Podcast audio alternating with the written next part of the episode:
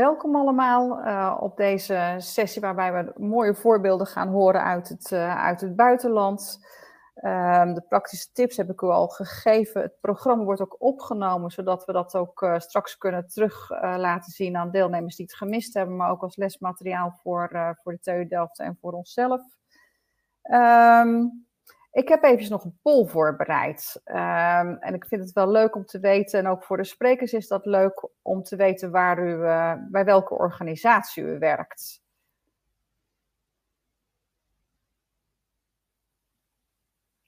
Um, dat is nu wel weer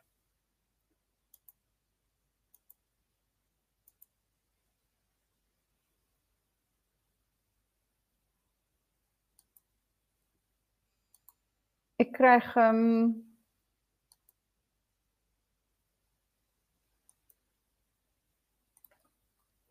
ik denk dat ik nog even een handeling moet verrichten.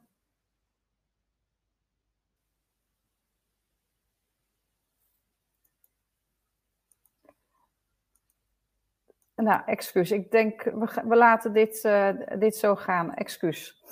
Um,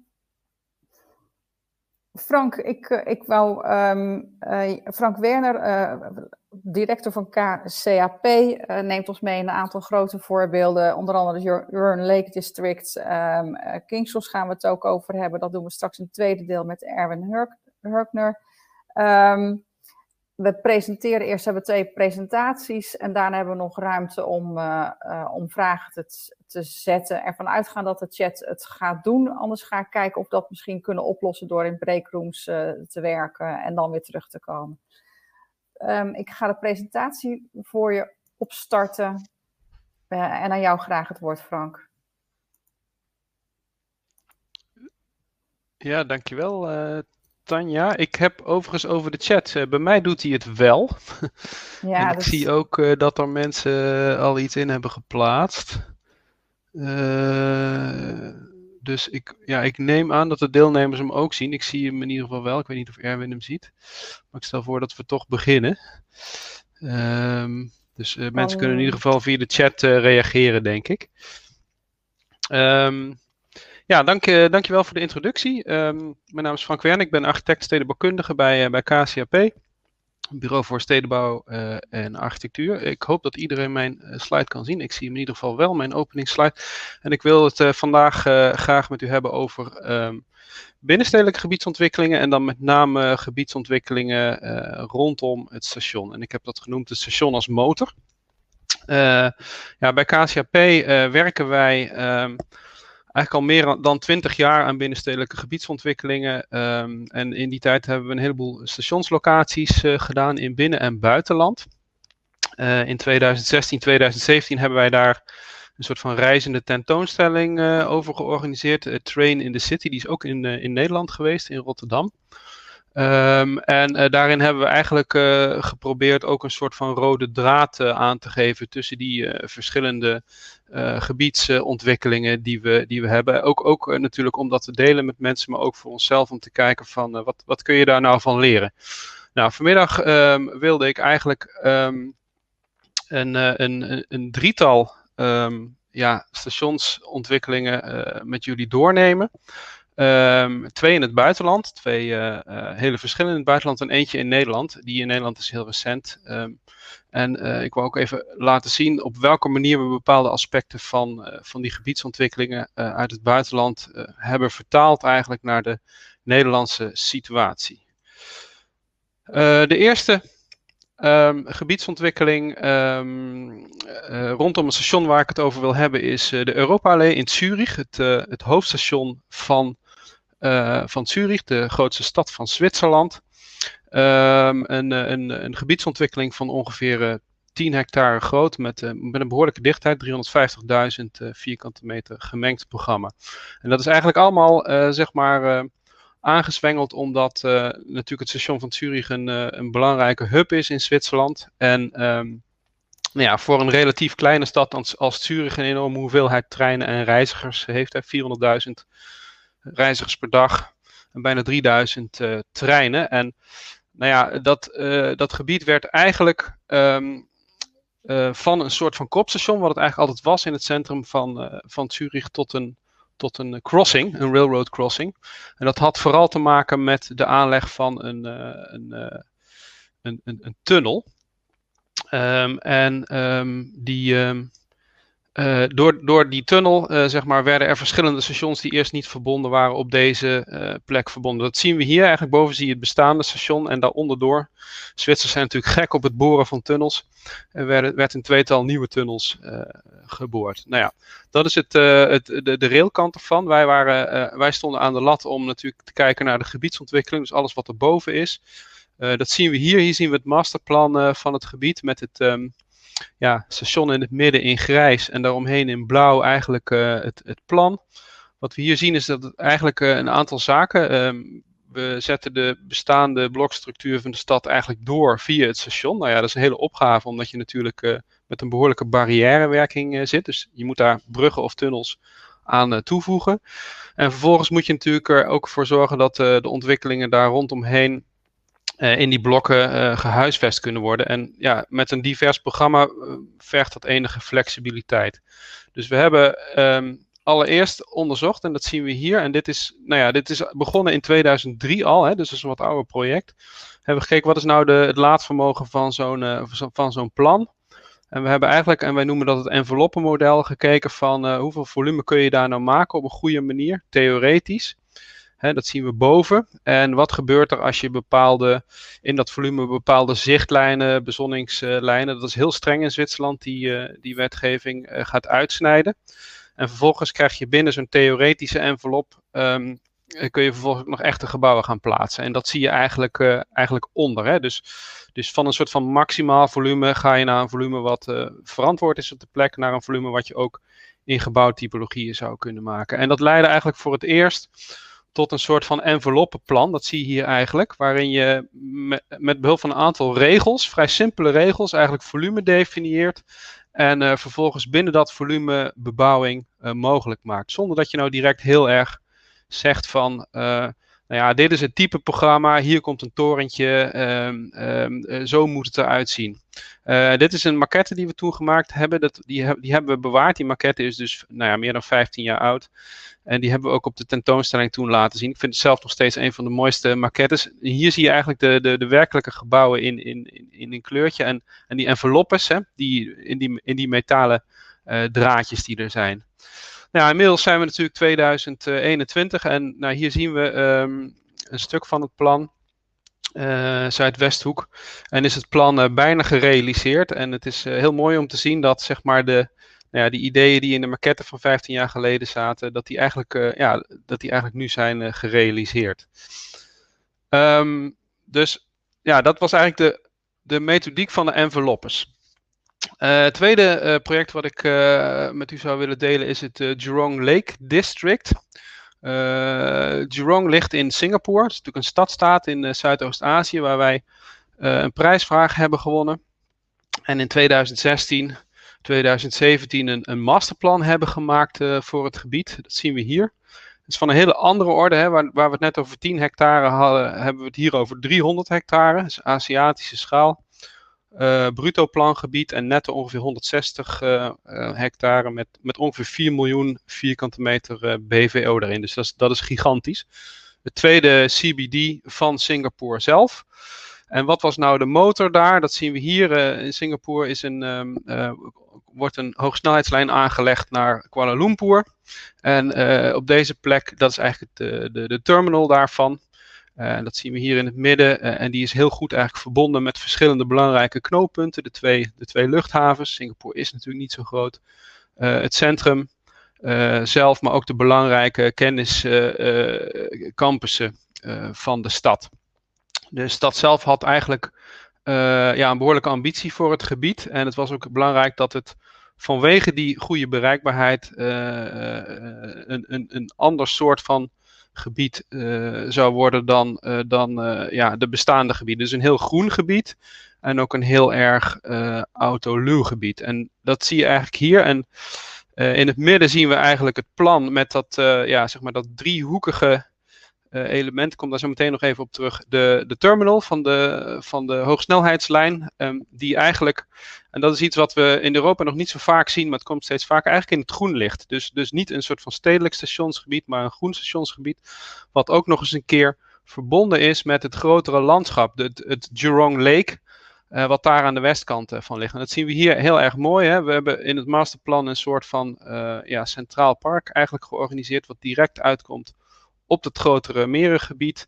Met daaronder, hè, want het is een ondergrondse station, net zoals in Zwitserland, de, de terminal van de, um, van de hoge snelheidslijn. Um, hier zien we daar een impressie van. Uh, je ziet ook dat dit zijn natuurlijk Aziatische dichtheden. Dat zijn dichtheden die we in Europa niet, uh, niet kunnen en ook niet uh, willen maken en niet moeten maken. Dat spelen natuurlijk nog los van het feit dat Singapore weinig ruimte heeft, ook klimatologische omstandigheden een heel belangrijke rol. Maar het is natuurlijk wel zo, omdat je het compact kan houden met veel vierkante meters op een geringe oppervlakte, is het bij uitstek natuurlijk geschikt om het ook een, een walkable city, zoals we dat noemen, te maken. Hè. Je kunt overal te voet of met, uh, met de fiets of met eenvoudige transportmiddelen komen uh, binnen als je een keer in deze wijk uh, bent. En dat was ook een belangrijk thema. Dat we hebben gezegd van we willen een, een car light environment. Dus een, een, een, weinig auto's, veel voetgangers, veel fietsers in het gebied. Je hebt hier natuurlijk in dit klimaat niet heel direct het probleem dat die straten heel donker en nat en vochtig worden. Ja, vochtig worden ze wel, maar in ieder geval um, uh, dat zijn aantrekkelijke straten, mits je daar gewoon goed kan verblijven en mits het ook uh, ja, binnen, de, binnen het klimaat daar uh, aangenaam is. Hè. Dus daar is de hitte eerder een probleem. Um, en dat hebben we op verschillende manieren gedaan. Als ik, nou ja, dat, daar zit een heel verhaal achter, maar als ik het heel kort samenvat, is de belangrijkste verhaal is een soort van radicale vergroening en, en het radicaal bannen van, van de auto in de straten. Dus boven zien we een redelijk traditionele manier van een straat zoals we die overal in Singapore zien. Met toch veel auto's en de voetgangers en de fietsers naar de rand uh, geschoven. Naar een veel smaller profiel met veel meer ruimte voor voetgangers uh, en veel meer groen. Zowel in de straat als op en aan de gebouwen. Dus dat is een heel belangrijk principe. Daar zijn we heel uh, ver mee gegaan in dat plan. Dat, is, dat kan natuurlijk ook makkelijk. Daar in dat soort klimaten, klimatologische omstandigheden groeit, groeien planten vrij goed. um, en um, daar zit er in dat plan een, een groennorm, een groencompensatienorm van 150%. Dat betekent dat, dat je eigenlijk 150% grondoppervlak terug moet brengen op het gebouw uh, van het grondoppervlak wat je wegneemt. Uh, van het plan. En uh, nou ja, je kunt je voorstellen, dat is best wel lastig, hè, want dan moet je eigenlijk in etages gaan werken. En dat, dat, is dus, dat gebeurt dus ook. En dat zie je eigenlijk hier. In Nederland is, uh, en in Europa is het natuurlijk heel modieus op dit moment om met groene gevels te werken. We zien dat soort gebouwen komen. Um, in Singapore zeggen ze eigenlijk van ja, dat is leuke groene gevel, maar we zijn toch vooral geïnteresseerd in, in horizontale uh, groene vlakken. Dus, dus uh, nou ja, je ziet hier dus ook dat er op verschillende niveaus, zelfs op 100 meter hoogte, een, een groene walkway uh, gerealiseerd kan worden. die verbouwen, gebouwen met elkaar verbindt. Um, nou ja, dat is dat gezegd hebbende, dus een soort van radicale vergroening, een, um, een enveloppensysteem en um, ja, zeg maar het, het, het voetgangersvriendelijk maken van gebieden, zijn wij in twee jaar geleden begonnen. En dat is het laatste project, maar daar wou ik wat uitgebreider bij stilstaan in Eindhoven in het stationsgebied. De internationale knoop XL, wellicht voor sommigen van, uh, van u bekend. Uh, en we hebben eigenlijk gekeken hoe we bepaalde principes uh, die we geleerd hebben in die plannen zouden kunnen toepassen in, in, in Eindhoven. Nou ja, dat, dat, dat, dat ziet er natuurlijk anders uit, dat zal ik u nu laten zien. Allereerst um, nou, is dit ook weer zo'n typische plek midden in de stad um, uh, met een behoorlijk goede bereikbaarheid die alleen maar beter wordt door veranderingen met name in de rail- en de businfrastructuur. En, en wat tegelijkertijd heel bijzonder is, uh, is dat het een plek is die nog relatief leeg is. Zal ik zo meteen even uitleggen waarom dat is. Um, en een plek die een, een lange geschiedenis van transformatie her, ja, heeft. En dat heeft ook een beetje te maken met de geschiedenis van Eindhoven. Hè? Eigenlijk een verzameling van dorpen die door de uh, komst van Philips aan elkaar zijn gegroeid. Die in de jaren 60, dat zien we hier rechts, vrij radicaal zijn uitgevaagd in het centrum van Eindhoven. om plaats te maken voor een soort van cityvorming, gebaseerd op de auto. Ehm, met vrij monofunctionele eilanden bovenop het station. En zo is het eigenlijk nog steeds in Eindhoven. En we hebben gezegd, nou ja, dat moet, dat moet anders. Um, dat moet niet meer een soort van transitgebied worden waar je zo snel mogelijk doorheen gaat om ergens te komen. Maar dat zou een echt een hart van de Brainport moeten zijn. Daar heeft Eindhoven ook een heleboel uh, ja, ambities in om, uh, om dat neer te leggen. En we hebben eigenlijk gezegd, we, we, we zouden vijf principes voor de transformatie uh, moeten vastleggen in een soort van visie. Uh, die zal ik even kort doorlopen, want sommige daarvan die hebben ook uh, betrekking op de principes die ik net in de buitenlandse voorbeelden heb laten zien. Dus allereerst natuurlijk geen trans, uh, echt een verblijfsplek moet het worden, hart van de stad. de barrières die er zijn, die zou je moeten wegnemen. Nou, dat, is bijvoorbeeld, dat kun je bijvoorbeeld ook doen door, door die auto toch een beetje te verbannen. Nou, niet helemaal te verbannen, maar op de tweede plek te zetten. Um, ja, die leegte te vullen uiteraard met goed programma. Uh, veel minder verharding en veel meer groen maken. En uiteraard die knoop uh, van openbaar vervoer versterken en verbeteren. Nou ja, het voordeel van het gebied is, dit doen we eigenlijk altijd, is dat het gebied, en dat is echt uniek, Eindhoven is de vijfde stad van Nederland. En hier zien we een staatje, dat is een ruimtestaatje, dat doen we eigenlijk altijd als we een project beginnen. Je ziet, het is maar voor 16% uh, bebouwd het gebied midden in het hart van de stad. Dat is echt bizar, vind ik zelf. Uh, en voor 60% ligt er verharding in het gebied. Hè, infrastructuur, parkeerterreinen, allerlei ander spul. En er zit ook gelukkig redelijk wat groen in, maar dat zit hem vooral in de, in de Dommeldal en in de TU Campus. Dat zien we op dit kaartje. Nou ja, dus het eerste is, hoe ga ik die ruimte voor het verkeer uh, transformeren? En leidraad daarbij was inderdaad een straat waar wel auto's zijn, maar die veel meer op voetgangers en langzaam verkeer is gericht van uh, een profiel van meer dan 100 meter hebben we gezegd, daar kunnen we best wel een soort van Parijse boulevard uh, zouden daarvan kunnen maken. Dat zien we rechtsonder. Saint-Michel is 40 meter. Gebeurt misschien een beetje te veel qua autoverkeer, maar zo'n soort van idee.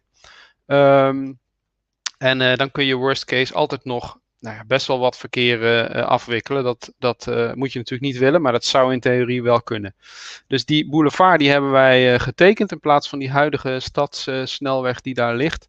en daarmee hebben we direct ook een heleboel ruimte zeg maar, gewonnen. die boulevard is niet alleen een, een, infrastructuur, maar ook dus nadrukkelijk een verblijfsplek waar je, waar je graag zou, zou willen zijn. Nou, hier een impressie daarvan. Dit zou uh, Eindhoven kunnen zijn over, uh, nou, laten we optimistisch zijn, 20 jaar, misschien al eerder. uh, en je ziet hier ook, denk ik, door je oogharen wat ik net in Singapore liet zien, maar dan op zijn Nederlands, hè, dat, dat je echt een infrastructuur wil maken uh, die, die heel erg op de voetganger, op de fietser en op duur, duurzame mobiliteit gericht is. Tweede aspect is um, die barrières. Uh, nou, daar hebben we eigenlijk gewoon gebruik gemaakt van de, uh, ja, de bestaande verbindingen uh, Noord-Zuid, de historische verbindingen die er al lagen. Dus links zien we de verbindingen tussen Woensel en het centrum van Eindhoven. Die, die waren er eigenlijk al voordat het spoor daar lag. En rechts zien we het Dommeldal. Dommel is de belangrijkste ja, openbare structuur in Eindhoven. Een beek eigenlijk, een beekdal, waar ook de TU-campus in ligt. En die twee, die hebben we heel erg versterkt. En daarbovenop hebben we gezegd, lokaal zouden we onder dat spoor door een heleboel fi veel fijnmazige voetgangers- en fietsersverbindingen willen maken tussen het bestaande centrum aan de zuidkant van het spoor en, de, en de nieuwe, ja, de, het nieuwe centrum aan de noordkant van het spoor. Waardoor dat een soort van naadloos in elkaar uh, zeg maar overgaat. Um, hier zien we een impressie van hoe dat Dommeldal dan ook uh, ja, zeg maar onder dat spoor doorgetrokken zou kunnen worden. Gecombineerd met een, een derde entree naar het station. Dus, dus, dus nou ja, wat ik net op, Singapore, uh, Singapore liet zien, dus een station, stationsentree in het groen. Ik ken er niet zoveel van in Nederland. Misschien dat, dat het Malieveld in Den Haag nog het dichtst bij komt. Maar eigenlijk ja, zou dat veel meer moeten gebeuren wat ons betreft. Uh, en hier hebben we de kans, doordat we dat Dommeldal uh, reconstrueren en die, die spoorlijn uh, viaducten kunnen verlengen, om dat hier ook te doen. Nou, wat verder natuurlijk heel belangrijk is, is een, is een gemengd programma. Je ziet hier, ik zal daar niet te lang op ingaan, maar dat, we hebben allerlei bandbreedtes van verschillende programma's doorgerekend en ook ingepast op de locatie. Het is natuurlijk belangrijk in binnenstedelijke gebiedsontwikkelingen, zeker rondom een OV-knooppunt, dat je programma mengt. Hè, want dat zorgt er natuurlijk, dat zorgt voor leefbaarheid, maar dat zorgt ook voor een, goede, een goed gebruik van de, van de voorzieningen en van, het, uh, van de OV-modaliteiten die er zijn. Ehm, en, en, en dat verantwoordt ook, denken wij, een behoorlijke verdichting die, daar die daar zou kunnen plaatsvinden. En dan, nu is natuurlijk altijd de uitdaging van waar landt dat programma dan? En kan dat, op, kan dat in de plint komen of niet? Dus daar hebben we, daar hebben we ook naar gekeken. Ehm, op een soort van globale manier. Um, nou ja, de, laatste punten, daar heb ik net al even over gehad, van asfalt naar groen. We halen zoveel mogelijk infrastructuur weg en we voegen zoveel mogelijk groen toe. Dat is de visie, Daar zijn we, die zijn we nu ook verder aan het uitwerken. En waarbij dat Dommeldaal, wat ik net al liet zien, een soort van heel belangrijke kwaliteitsdrager uh, zou kunnen worden. Dat ligt er al, maar dat willen we veel mooier en aantrekkelijker maken. Hier in de, in de achtergrond zien we nog net uh, het eerste gebouw van de TU Eindhoven. Uh, als, een, als een centraal element. Ten slotte de, um, de knoop zelf. Er lag een hele uitdaging om het busstation en het, het treinstation goed met elkaar te verbinden, inclusief de gebiedsontwikkelingen die er zijn. En eigenlijk de belangrijkste uh, ingreep die we daar wilden doen was um, het huidige busstation ongelijk vloers maken, zodat er geen conflicten meer zijn tussen wegrijdende bussen en, en, en, en toesnellende uh, busreizigers vanuit het station. Dus we zien hier de traverse van het station een nieuw stationsplein aan de noordkant en daaronder de bussen. Uh, een heel belangrijke ingreep uh, in dat gebied. Um, en nou ja, hier kun je dat een beetje voor de mensen die het kennen aan de noordkant, uh, busstation Neckarspoel. Ja, straks zijn de bussen, die zie je dus hier beneden. En de benadering van het busnetwerk ook veel meer als een, als een hoogwaardig openbaar vervoer. zoals je ook een trein zou benaderen hè, met de toegang van de perrons onafhankelijk van de bewegingen. Um, nou ja, dit is dan een, eh, soort van beeld van dat plan. Uh, net zoals we dat net van Jurong uh, zagen. Dit, is, dit plan is ongeveer 55 hectare. Dus je zou kunnen zeggen, hij zit ergens tussen Zurich en Jurong in. Maar toch wel veel dichter bij Zurich dan bij uh, Jurong. maar voor Eindhoven is dit echt een, een behoorlijk ambitieus en, en, en stevig plan. Een van de grootste binnenstedelijke gebiedsontwikkelingen in Nederland van dit moment. Uh, en dan iets over de enveloppes nog. Wat we in Zurich hebben geleerd uh, is dat we eigenlijk gezegd hebben: laten we nou clusters definiëren in dat plan. En laten we die, proberen die, die subgebieden uh, clustergewijs te ontwikkelen aan de hand van een aantal regels. generieke regels die iets zeggen over hoe zo'n blok eruit moet zien. Hè. Een, een, een soort van plint, een 19e eeuws bouwblok en daarop torens, ook om de dichtheid te kunnen halen. En um, met een aantal spelregels over hoeveel volume kun je daar maken, uh, wat moet er in de plint gebeuren, hoe hoog kunnen de torens zijn. En de partijen die in zo'n gebied bezig zijn, zowel private als publieke partijen, die spelregels mee te geven om dan gezamenlijk uh, tot een plan uh, te kunnen komen. Nou, dat gaat bijvoorbeeld ook over samenwerking. het gaat over groen. Um, en dat was, um, denk ik, ook een boodschap die we vanuit Jurong hebben meegekregen. Uh, ja, dat zien we hier rechts. Hè, van, van als we nou zo gaan verdichten, kunnen we niet proberen om ook hier radicaal te vergroenen. 150% zal denk ik moeilijk worden, hè, want uh, groen onder een afdak groeit bij ons in Nederland over het algemeen niet zo goed. In de tropen gebeurt dat wel, maar misschien kunnen we wel richting die 100% uh, uh, gaan, zodat we in ieder geval de horizontale vlakken in het plan allemaal groen kunnen krijgen. En dit is dan zo'n impressie van een van die blokken in het plan uh, in Eindhoven. Nou ja, misschien door je oogharen heen uh, kun je, zou je kunnen herkennen wat we in Jurong ook hebben voorgesteld, namelijk een voetgangersvriendelijk gebied met heel veel uh, zeg maar groen, zowel op de begane grond als op de hogere vlakken. Frank, hoe, Oh, kijk eens. Dat was mijn laatste slide. wat een timing, wat een timing. Dankjewel. Ik heb ook een paar vragen in de chat gekregen en ik uh, vind het wel een mooi plaatje om even te laten um, En je gaat natuurlijk over Singapore. Hè. Was het nou een gebiedstransformatie of was het een, uh, een vlakte waar je gewoon echt de vrije hand had om te bouwen?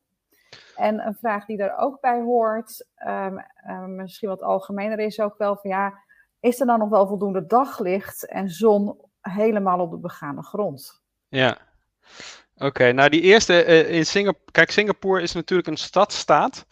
Dus uh, zeg maar, greenfields bestaan uh, niet in Singapore. Overal is wel, is, gebeurt er wel iets. Dus in, de, in zekere zin zijn opgaves in dat soort gebieden altijd transformaties. Maar het is natuurlijk niet zoals Eindhoven, dat je in het centrum van een bestaande stad zeg maar, werkt. Dus het is voor Singapore enigszins perifeer. Aan de andere kant, 20 minuten met de metro tot de hart van het centrum is natuurlijk voor dit soort formaat steden uh, niks. Dus uh, het is, uh, ik zou zeggen, het is een transformatie. Het is zeker geen greenfield. En wat was de andere vraag? De andere vraag gaat over, maar die kunnen we ook aan Eindhoven linken. Hè? Eindhoven is ook de vraag van, goh, past zo'n hoogbouwconcept wel bij, bij Eindhoven? Dat is meer een karaktervraag. Ja. Maar de andere vraag is ook, ehm, komt er nog zon op de begane grond? Kun je nog op de stoep lopen en zon hebben in je gezicht? Ja, ja dat is een goede, hele goede vraag. In, uh, in Singapore is dat wat makkelijker, want daar wil je de zon liever kwijt dan, in, uiteraard dan in Eindhoven en in Zurich. Um, ik had het net aan het einde van mijn presentatie over die regels. En een van de regels um, uh, en die moeten nog verder worden uitgewerkt in zo'n, ja, we noemen dat een clusterpaspoort, is dat de bezonning uh, volgens bepaalde uh, regels gegarandeerd moet zijn. Niet alleen van de gevels van de gebouwen, inderdaad, en de beïnvloeding van bijvoorbeeld torens onderling, maar ook van de openbare ruimte. Dus, en daar kun je allerlei parameters voor instellen van zoveel uur zon per dag. Um, dat is in ontwikkeling, maar dat is een heel goed punt. Dat is ontzettend belangrijk, want op het moment dat je te veel volume toevoegt en daarmee de kwaliteit, verblijfskwaliteit van de openbare ruimte om zeep helpt, ja, dan, eh, dan uh, gooi je het kind met badwater weg, inderdaad. Dankjewel voor, jouw, uh, voor je toevoegende antwoorden en voor je presentatie. We spreken je zo meteen nog. Ik wou nu het woord geven aan Erwin Hurkes vanuit de TU Delft. Ik ga jouw presentatie uh, openen en op het scherm laten zien. Volgens mij heb je hem nu te pakken. Aan jou ja, het woord, Erwin. Prima, dankjewel. Tanja, dankjewel Frank voor de inspirerende, uh, ja, voor de inspirerende presentatie. Je gaat iets dichter bij huis houden, maar wel aan de andere kant van het kanaal. Dus ik ga jullie uh, meenemen in uh, de King's Cross case, King's Cross Central ook wel genoemd. Um, ja, het is een binnenstedelijke transformatie, een van de grootste van Europa, die is nog steeds gaande. ik ben een aantal keer geweest, verschillende periodes. Ooit in 2010, toen er nog vrijwel niks was. En daarna nog twee keer, uh, één, keer voor onderzoek en één keer ook voor een studiereis. Uh, er zijn misschien ook wel mensen die, die ik dus niet kan zien, wat heel jammer is, die er wellicht ook wel eens geweest zijn. Dus mochten daar vragen of tips zijn, uh, schroom niet om dingen in de chat te plaatsen. Dan kijken of ik naar de volgende kan. Ja, eventjes over mij en ook mijn fascinatie. Um, ik heb bij de, ik werk bij de TU Delft en ik heb um, nou, veel internationaal onderzoek gedaan, vergelijkend onderzoek gedaan in het buitenland. Uh, in eerste instantie mijn proefschrift, dus ik heb gekeken naar Engelse en Amerikaanse uh, praktijken van ontwikkeling en, en, planning. En daarna heb ik ook boeken geëdit die gingen over vergelijkingen tussen verschillende landen en praktijken. Dat zijn die rechtse twee. Um, die eerste is gratis te downloaden, dus die kun je absoluut vinden. En die andere helaas niet. Um, maar dit, uh, ja, is gewoon mijn fascinatie. Ik wil graag leren van het buitenland om uh, ja, te kijken of we problemen in Nederland of uitdagingen in Nederland uh, op een bepaalde manier kunnen oplossen. de volgende. misschien wel goed om te weten, u zag het al even bijkomen ook in het plenaire programma. wij als TU Delft en dan de vakgroep Urban Development Management, gebiedsontwikkeling. Wij zijn kennispartner bij het programma Stedelijke Transformatie. We doen allerlei onderzoeken, vaak in de vorm van essays Waar we vaak dan uh, interviews met mensen voor hebben gehad. Of uh, case study onderzoek of wat dan ook. Die zijn ook allemaal te vinden op de website. En dit zijn er uh, drie voorbeelden, drie recente voorbeelden. We zijn nu bezig met privaat georganiseerde participatie. Daar is volgens mij ook een sessie nu van gaande in sessie 1.4 geloof ik in deze. Dus daar kunnen we helaas niet erbij zijn. Je moet ook niet zomaar gaan switchen nu natuurlijk. maar uh, ja, dat is uh, heel belangrijk denk ik. Het werd ook al door Tom Dame een beetje aangehaald. Dat we leren van elkaar. Dat we de praktijk leert van zeg maar de wetenschap en de wetenschap van de praktijk. Dus ik denk dat het een hele mooie kruisbestuiving is. Waarom leren we nou eigenlijk van het buitenland? Misschien wel even goed om, om te weten. Dat is eigenlijk heel simpel. Uh, als je lessen gaat trekken, uh, dan, dan, ga je zoeken naar inspiratie, misschien van best practices, hè, of voor bepaalde redenen, of dat nou inderdaad spoorzonden zijn, waar wij het nu een beetje over hebben. Of leren van ervaringen van mensen, dus bijvoorbeeld over samenwerking, hoe mensen samenwerken, hoe ze dilemma's overkomen of wat dan ook. Maar vaak zie je ook al dat er gekeken wordt naar kunnen we bepaalde instrumenten of beleid, wat nou stedelijk beleid is of iets van, van duurzaamheidsbeleid eh, gerelateerd aan stedelijke transformatie, kunnen we op een of andere manier ook transfereren naar onze eigen praktijk. En die is dan eigenlijk altijd de basis ook. Hè. Dus onze eigen praktijk die kent bepaalde opgaven, misschien wel problemen, maar ook trends en uitdagingen. Kunnen daar vanuit het buitenland iets tegen aanzetten wat ons kan helpen. Belangrijk is wel dat je dan natuurlijk oog houdt voor de, ja, de, zeg maar, de institutionele of contextuele factoren. Elk land, elke praktijk is heel specifiek. Hè? Dus het kan gaan om de manier van samenwerken, de cultuur die er is, maar het gaat natuurlijk ook over regelgeving en allerlei uh, andere, uh, andere aspecten die je gewoon in rekenschap moet nemen. Dus je kunt niet zomaar even wat je ergens leert naar een andere context verplaatsen, maar dat zult u begrijpen. Um, de aanleiding om te kijken naar King's Cross ligt um, eigenlijk in deze governance driehoeken en de veranderingen daarin in Nederland. Ik denk dat het ook al aangedragen is in, het, in, de, in de plenaire sessie. Je ziet natuurlijk dat dat samenspel tussen overheid, markt en maatschappij, dat verandert altijd. Um, ik heb in mijn proefschrift geprobeerd om te schetsen wat ik zo zag in de Nederlandse praktijk. Um, en je ziet eigenlijk dat er een verschuiving is naar meer privaat en maatschappelijk initiatief, of meer invloed daarvan. Um, en dat zie je onder andere in de, de samenwerking die ontstaan, maar dat zie je ook bijvoorbeeld in allerlei ongevraagde voorstellen die ontstaan hè, vanuit de markt, vaak ook aangemoedigd door overheden. Um, dus die, ja, echt die, die blauwdrukplanologie, daar zijn we natuurlijk best wel behoorlijk van af. Uh, wil niet zeggen dat de overheid natuurlijk nog een belangrijke rol heeft, dat hebben ze het altijd. Dus het is echt wel een samenspel tussen die partijen. Je ziet meer en meer dat, laat zeggen, de uitvoerende partijen ook meer invloed gaan uitoefenen op beleid. En dat um, gemeentes ook meer gaan meedenken met uh, wat er mogelijk kan zijn voor de markt. En het is denk ik ook wel, wel goed om die balans te, te bewaken. Nou, wat zie je dan in de, in de rollen? Um, even heel kort.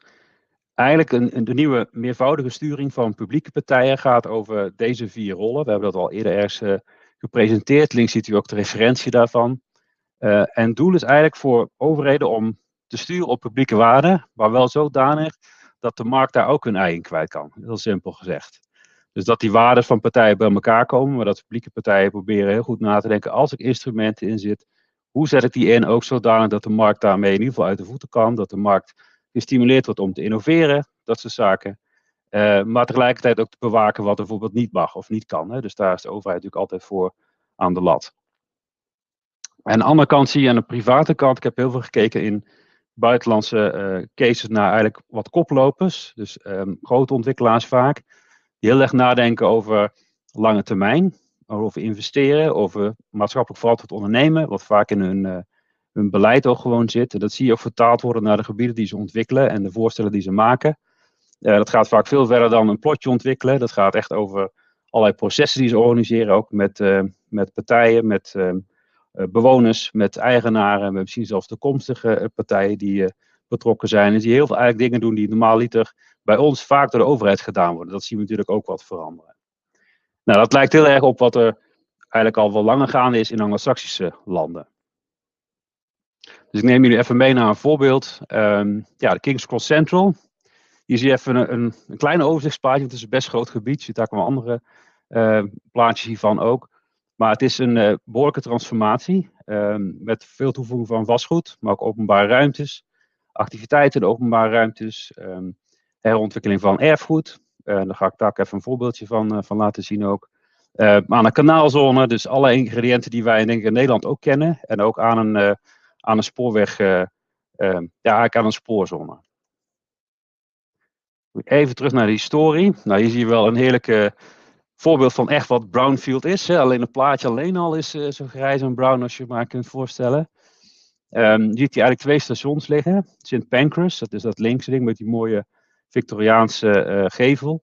En rechts King's Cross. En beide stations zijn gebouwd voor eigenlijk uh, transport, vervoer van zowel goederen als mensen naar Noord- en Oost-Engeland. Er zijn twee stations die eigenlijk bijna bij elkaar komen. Die zijn allebei recentelijk ook nou ja, uitgebreid of uh, geupgrade. St. Pancras is nu een internationaal station geworden waar je aankomt met de Eurostar. En er gaan ook meerdere treinen naar andere delen weer van Engeland. En King's Cross heeft ook een uitbreiding gekregen. Um, dus het is een ontzettend goed bereikbare locatie. Um, bij King's Cross heb je ook nog eens dat daar zes metrolijnen van Londen bij elkaar komen.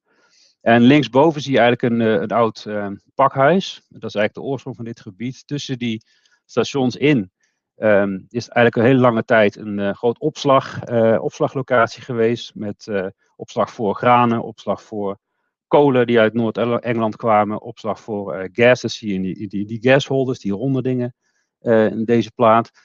Um, en langzaamaan is dat ook natuurlijk veranderd. Hè. Die kolen die worden niet meer gebruikt. Dus er zijn heel veel, intussen heel veel gebouwen leeg komen te staan ook verpaupen. Dus echt wel een behoorlijke ja, economisch derelict gebied was het, zeg maar zo'n 10, 15 jaar geleden. en daar zagen de gemeente, deelgemeentes kansen, maar ook de grondeigenaren. Het zijn dus een um, land, een railway um, company, eigenlijk die ook weer, zeg maar, eigenaar, eigenaar van is ook weer de overheid. Die dachten, hier kunnen wij iets gaan ontwikkelen. Volgende plaatje. En zeker op die bereikbaarheid, hè, dat is natuurlijk een hartstikke interessante locatie. Hier zie je eigenlijk een, ja, een rendering, moet ik nog steeds zeggen, van uh, wat het gaat worden. Heel veel in het noordwestelijke deel is al bebouwd. In het zuidoostelijke deel, daar aan de rechterkant, uh, zijn ze nu bezig. Ook met verdichten. Uh, het is 27 hectare, waarvan 10 hectare openbare ruimte. Wat best, best groot is. Het heeft ook te maken met het feit dat er bijvoorbeeld al wat water lag. Hè. Dat wordt natuurlijk ook meegerekend in die openbare ruimte. Ehm, voornamelijk toch wel kantoren. Dat zit vooral bij de stationsdeel aan de linkerkant. Maar ook 2000 woningen, 46.000 vierkante meter retail en leisure. Er zit veel restaurants in dit uh, gebied ook. Um, een hotel en ook een grote onderwijsinstelling die in een van die oude gebouwen zit. Het is een uh, Arts College, is weer onderdeel van een universiteit. En er zijn ongeveer 25.000 banen gecreëerd in dit gebied. Dus best wel een uh, nou, grote, complexe ontwikkeling. Vrij dense, maar ook weer niet te dense, denk ik. je ziet hier bijvoorbeeld geen massale torens zoals je ook wel op andere plekken in Londen ziet. Maar wat voor lessen? We gingen toch kijken naar lessen. Dus ik heb een aantal opgeschreven. En ik heb vaak maar één woord genoemd, dat er heel veel achter zit. Dus um, ik denk duurzaamheid hier is wel echt cruciaal onderdeel geweest van het plan. En dat begon al bij de ambities van de deelgemeentes. Die zeiden eigenlijk dit gebied is ja, misschien wel een missing link. Sociaal gezien ook voor de omliggende wijken. Mensen die daar wonen kunnen we niet uh, zorgen dat er ook in dit gebied bijvoorbeeld omscholing en herscholing plaatsvindt. Dat mensen uh, ook een baan krijgen misschien in dit uh, gebied. Of het nou uh, een, een, waitress is bij, een, bij een restaurant of wat dan ook. En ook betaalbare wonen naast natuurlijk dure woning, dat moest echt mogelijk zijn. Studentenwoning ook. Ecologisch, nou die was toen, toen de tijd, 2004, 2005, nog wat minder uitgewerkt dan we nu allemaal kennen. Maar dat ging vooral over toegankelijkheid van die kanaalzone, activering ervan, openbare ruimte.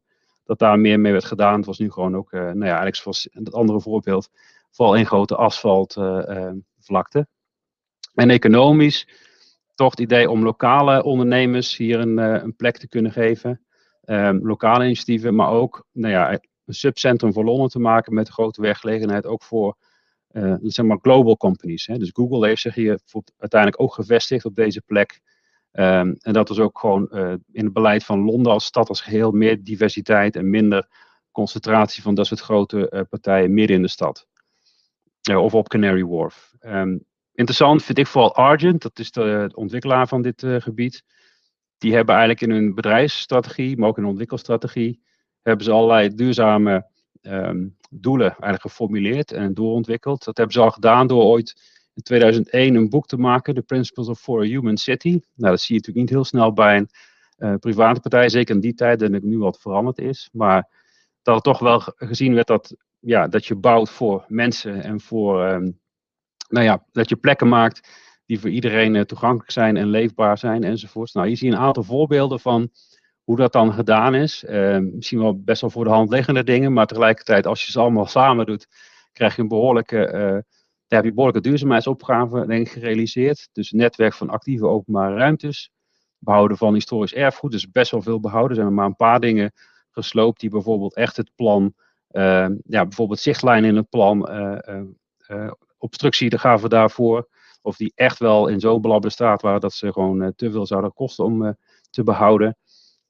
Eigenlijk over energie-efficiënt vastgoed. In een later fase gaat het ook om energie-neutraliteit of zelfs leverende gebouwen.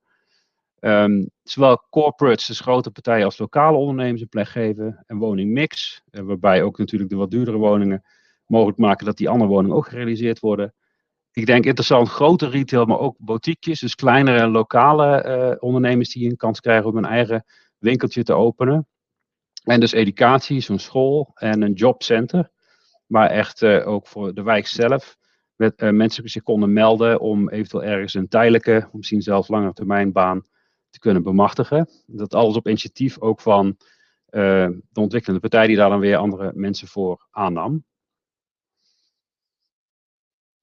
Dan samenwerkingsconstructies. Best wel aardig vind ik dat er eigenlijk een soort joint venture gesloten is, wat je niet zo snel ziet in de UK.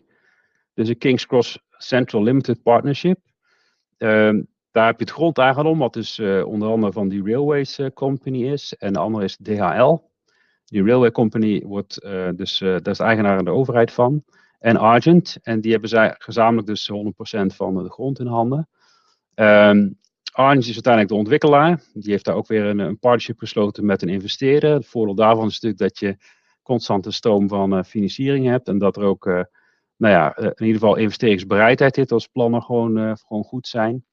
Um, er is een King's Cross Development Forum opgezet. Um, dat is, zijn eigenlijk gewoon lokale partijen, bewoners, die aan de planvorming hebben meegedacht. Um, nou, zullen straks zien dat het niet altijd even goed gegaan is, maar dat zijn in ieder geval een aantal samenwerkingsvormen die we denk ik in Nederland ook wel uh, kennen.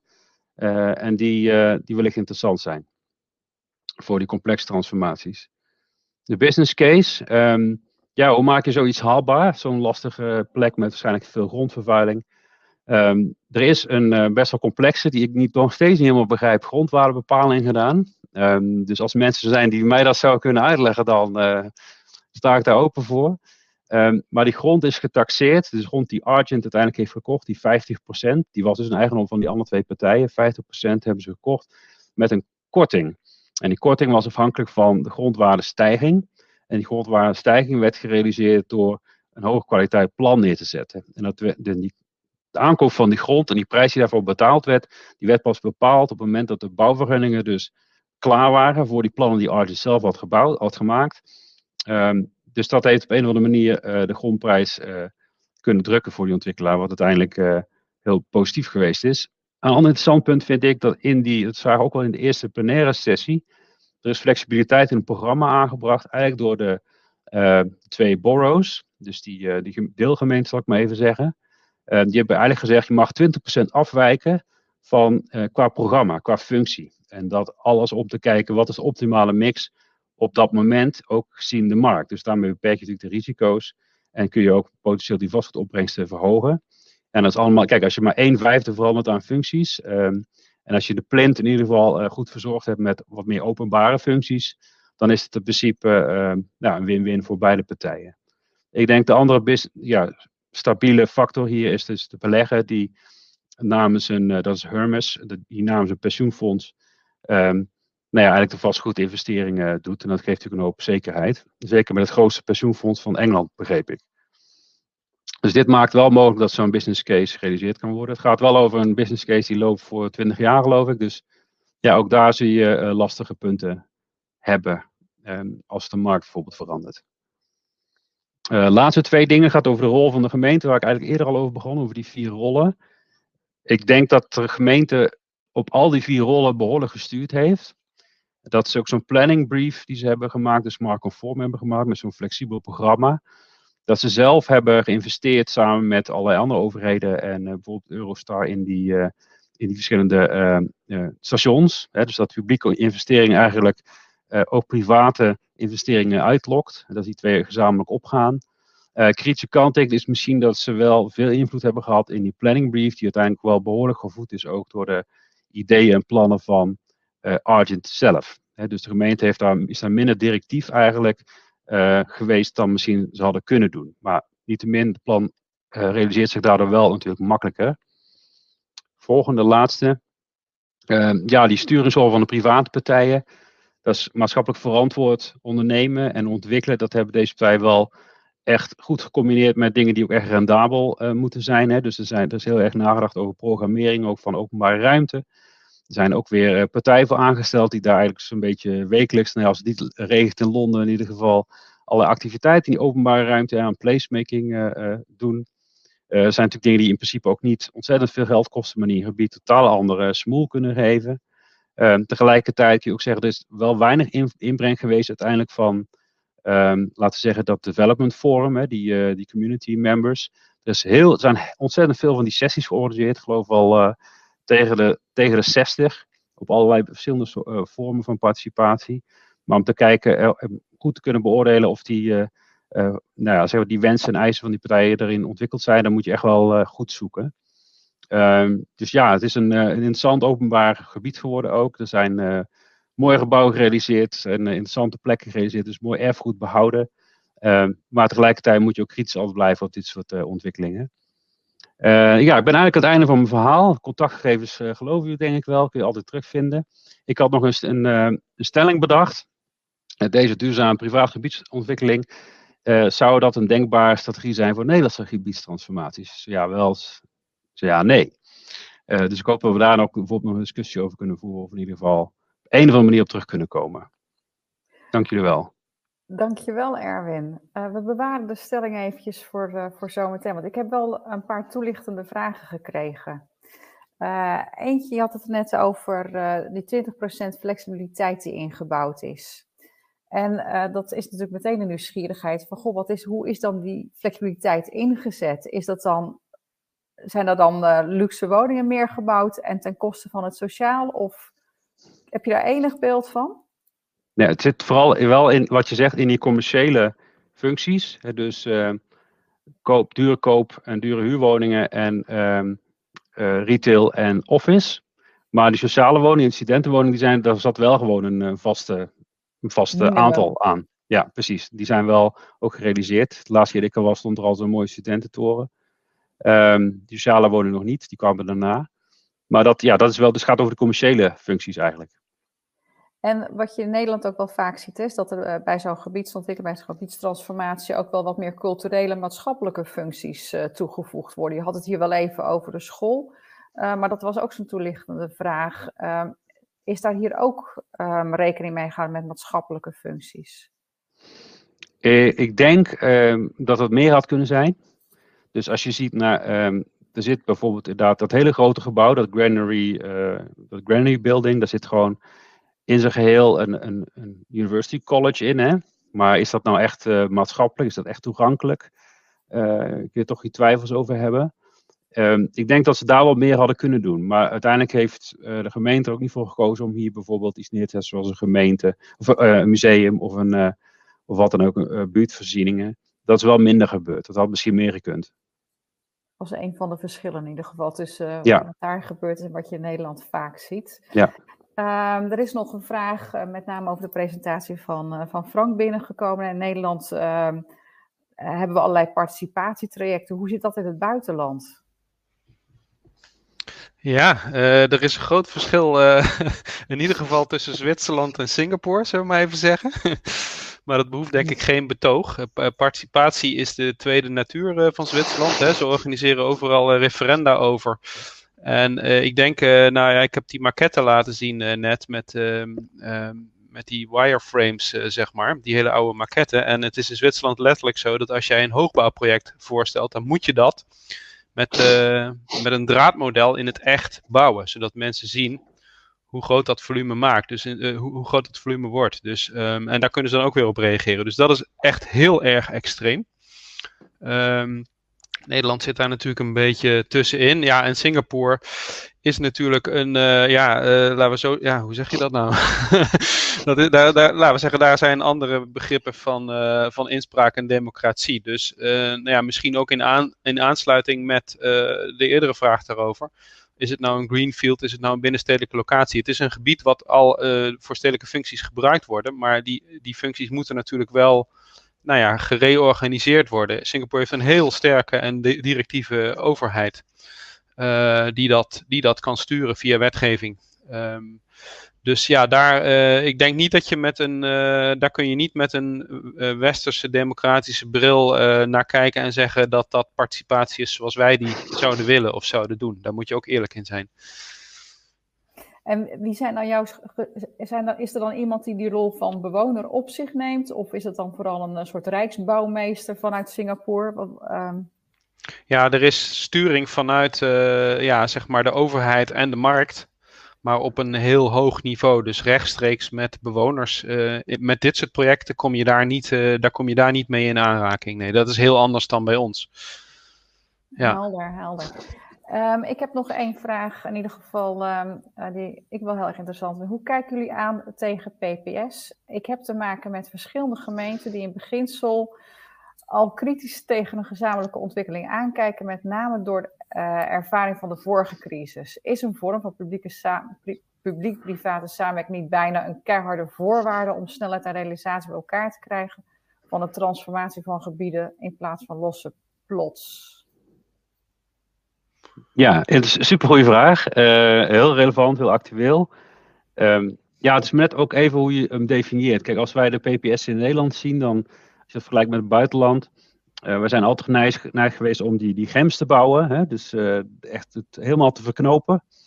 Grond, vastgoedontwikkeling, plannen, alles werd gezamenlijk gemaakt. Ja, daar zaten natuurlijk heel veel risico's aan. Dat hebben partijen ook gezien. Ehm, maar dus, dus, dat zie ik niet heel snel terugkomen. Het zou misschien op bepaalde plekken wel kunnen. Ook zeker als je langjarig gaat nadenken. Er is veel grondeigendom ook van gemeentes bij. Um, maar ik denk al die andere vormen samenwerking die we ook allemaal kennen, of het nou concessies zijn of bouwclaims, dat zijn ook gewoon samenwerkingen. En dat zijn maar net, ja, het zijn eigenlijk maar middelen om uiteindelijk um, juridisch en financieel, uh, maar misschien ook inhoudelijk uh, te komen tot resultaten. Hè? Dus het is een middel om uiteindelijk die gebieden te ontwikkelen. En samenwerking, of dat nou geformaliseerd wordt, wat we dus vaak zien in Nederland, echt heel structureel, als ze in Duitsland ook doen. En je ziet dat in Engeland bijvoorbeeld veel minder. Dat zijn gewoon contracten ja, en die vormen dan juridisch gezien wel meer weer dan bij ons de basis voor die samenwerking. En er wordt gedurende een, zo'n ontwikkeling natuurlijk ook weer van afgeweken. En er worden weer opengebroken. Maar als wij het in Nederland allemaal willen structureren in BV'tjes zo en dat soort dingen, ja, daar zet je je vaak jezelf wel heel erg vast. Uh, en dat is niet altijd nodig. Het gaat erom te kijken naar wat zijn die gezamenlijke belangen. Uh, waar kunnen we waarde toevoegen, die voor ons beide goed is, publieke waarde, maar ook commerciële waarde. Um, en dat doe je samen. Dus dat, dat, zonder dat gebeurt er niks. Nul. Een kaveltje uitgeven dat, uh, zonder visie op een gebied, dat wordt natuurlijk niks. Dat weten we allemaal. Nee, nee klopt, ja. klopt. Nou ja, wat, wij spreken in Nederland ook heel erg van een versnelling. Hè? En uh, het leuke is dat hier ook iemand in, de, in onze room zit die ook afgestudeerd is met haar afstudeerscriptie in 2002 op King's Cross. Ja, um, super. Um, dus we zitten ondertussen in 2021, dat ja. is 19 jaar geleden. um, het duurt ja. ook in Engeland dus best wel lang. ja. Wat, wat, nou ja, ze schrijft ook van, goh, het kwam daar pas los op het moment dat uh, de grond, nadat de integrale ontwikkeling van de OV-terminal en bebouw een beetje was losgelaten. Wat zijn nou tips die jullie mee kunnen geven als je met dit soort um, uh, gebiedstransformatie zit, waar we toch wat versnelling kunnen krijgen op die woningbouwopgave. Zonder, zonder, nou ja. Ja, kijk, het is natuurlijk niet alleen die woningbouwopgave. Hè? Dus, nee, nee. Uh, en het is altijd kip en ei verhalen. Dus ja. begin je nou eerst met die, met die openbare ruimtes, met die structuur, met die infra. Ja, dat wordt allemaal betaald juist weer van het vastgoed. Um, maar tegelijkertijd, ja, als je hele goede openbare ruimtes aanlegt, dan zie je vaak dat zo'n gebieden toch meer op de kaart komen, ook bij allerlei partijen. En dan wordt het misschien wel weer sneller ontwikkeld. Dus het is heel moeilijk om aan. Het is gewoon een lange adem altijd, gebiedsontwikkeling. Ik weet niet of Frank er iets over kan zeggen, maar. Ja, ja, ja, ja zeker. Je als game changer zou kunnen opmerken. Want dit moet je in ieder geval geregeld hebben voordat je verder kan. Frank? Ja, ja ik denk, uh, nou ja, ik spreek dan even als, uh, als ontwerper, als stedenbouwkundige, maar wat je bij dit soort grote plannen uh, gewoon ziet is, en dat moet je altijd realiseren, is dat ze inderdaad niet in, één, in één jaar of in een half jaar gerealiseerd worden en dat de werkelijkheid straks, hè, over twintig jaar, als het twintig jaar duurt, een hele andere kan zijn dan nu. Dus je moet, ja, het klinkt misschien een beetje algemeen, maar je moet in ieder geval proberen om ehm, al te grote afhankelijkheden, ik denk dat bij King's Cross ook zo was, uh, uit zo'n plan te halen. Want um, het is heel belangrijk dat een plan klein kan starten of met onderdelen kan starten. En we zien, als ik bijvoorbeeld over Eindhoven heb nu, dan zien we eigenlijk dat er is heel veel initiatief vanuit de markt nu, ook al in dit plan, terwijl het eigenlijk, uh, het zit nog in, de visie, in, het, in, in het visiestadium. Hè? En eigenlijk als je een plan uh, goed maakt, dan zou je die initiatieven die er nu al zijn, die zou je moeten kunnen honoreren op een of andere manier. Um, zelfs met zoiets uh, beperkt en overkoepelends als een visie. En daar, daar moet je je plan dus op inrichten, dat dat kan. Uh, maar, maar vervolgens moet je natuurlijk ook je hele sturing en, en, en nou ja, waar we het net over hadden, de financieringen en zo, moet je daar ook op kunnen inrichten. En inderdaad, uh, uh, wat is er nodig aan publieke investeringen en aan infrastructuur om een, om een, om een bepaald gebouwcluster van de grond te gaan krijgen? En ja, ik denk dat dat, nou ja, daar moet je heel goed over nadenken. Daar, daar moeten partijen heel goed voor samenwerken. Dat is een must, denk ik. maar je, je, je, je moet dus ook niet een, een blueprint masterplan maken waarbij alles exact is vastgetimmerd. Dus daar moet een behoorlijke mate van flexibiliteit in zitten, zonder dat je concessies doet aan de kwaliteit. Ja, wat, mij ook opvalt, ik had laatst een uh, scriptant, die uh, heeft dat de developer and part together onderzocht. En we zien uh, vaak bij, nou, ik noem maar wat, uh, als voorbeeld, natuurlijk wel een bekend voorbeeld, waar eigenlijk plotsgewijs wordt ontwikkeld. En waar je toch ziet, dat zag je ook aan haar scriptie, dat zo'n gezamenlijke visie, dus niet per se een helemaal dichtgeslagen uh, masterplan, maar een gezamenlijke visie op het gebied. Waar zitten publieke onderdelen van het uh, gebied? Wat doen we met uh, infrastructuur? Wat doen we met mobiliteit? Um, maar daarin ook alle partijen dus betrekken, zitten eigenaren, die misschien ook wel investeren in hun eigen bedrijfje, hun eigen, hun eigen plot. Ontwikkelaars die grondposities hebben, de gemeente natuurlijk zelf, bewoners, als dat soort visies worden gemaakt, die zijn vaak flexibeler dan volledige plannen. Daar heb je natuurlijk altijd nog een plankaart voor nodig, waarin je een of andere manier aangeeft wat je wil behouden of wat dan ook. Maar op basis daarvan kun je best plotsgewijs ontwikkelen, als dan daar ook maar weer voor duidelijke regels voor gesteld zijn, dat die voldoen aan zo'n visie. En vaak zag je bij haar na scriptie zag je dat volledig ontbreken. Die visies waren eigenlijk niet echt goed uitgewerkt of helemaal niet tot stand gekomen. En er is er niemand ook die ergens zich aan vast kan houden natuurlijk als er ontwikkeld wordt. En dan zie je ook dat die publieke voorzieningen, zeker in de Binnenkorst, natuurlijk volledig achterblijven. En dan krijg je geen leefbare wijk. Ja. Dus dat moet dan weer gezamenlijk opgaan, die investering ook. En het betalen van die, die uh, voorzieningen van, vanuit vastgoed van uh, commerciële kant. Dankjewel. Maar zonder zo'n visie uh, wordt het niks. En daar heb je nee. alle partijen dan ook bij nodig. Ja, ja, absoluut. En die verschuift dan misschien inderdaad over een jaar of vijf, tien, elke keer weer wat. Begin bij visie, ambitie, herijken, vaststellen, herijken. Dus, ehm, ik als antwoord op mijn vraag, en ik moest er net heel om, om lachen, dat hebben jullie misschien wel gezien. Uh, Jaap antwoorden, organiseer Olympische Spelen. dat kan er ineens heel veel. dat is ook niet helemaal uh, gratis hoor. nee. nee, dat klopt. Um, en, en het is twaalf nou, over... Uh, het is, het is bijna kwart over, dus het is ook bijna tijd voor onze sessie die we gehouden hebben. Dank jullie wel voor, voor de inspiratie. ik vond het heerlijk en ik heb genoten om, uh, om van de voorbeelden te zien en hopelijk de toehoorders ook. Ik zie nog net één chatje voorbij komen, dat kan misschien nog net. Ehm, het wie doet wat, wanneer, met wie kan je vastleggen in een programma. Um, dat is Daniel ook weer, die in 2002 ook afgestudeerd was op de Krimskost. Daniel, dankjewel. Dank alle deelnemers. Ehm, jullie kunnen nu naar, eh, naar netwerk toe even pauze houden. Ehm, en dan gaan, we, gaan de inhoudelijke sessies gaan, eh, over een kwartiertje weer verder. Hartelijk dank. Hartelijk dank allemaal. Bedankt. Tot ziens.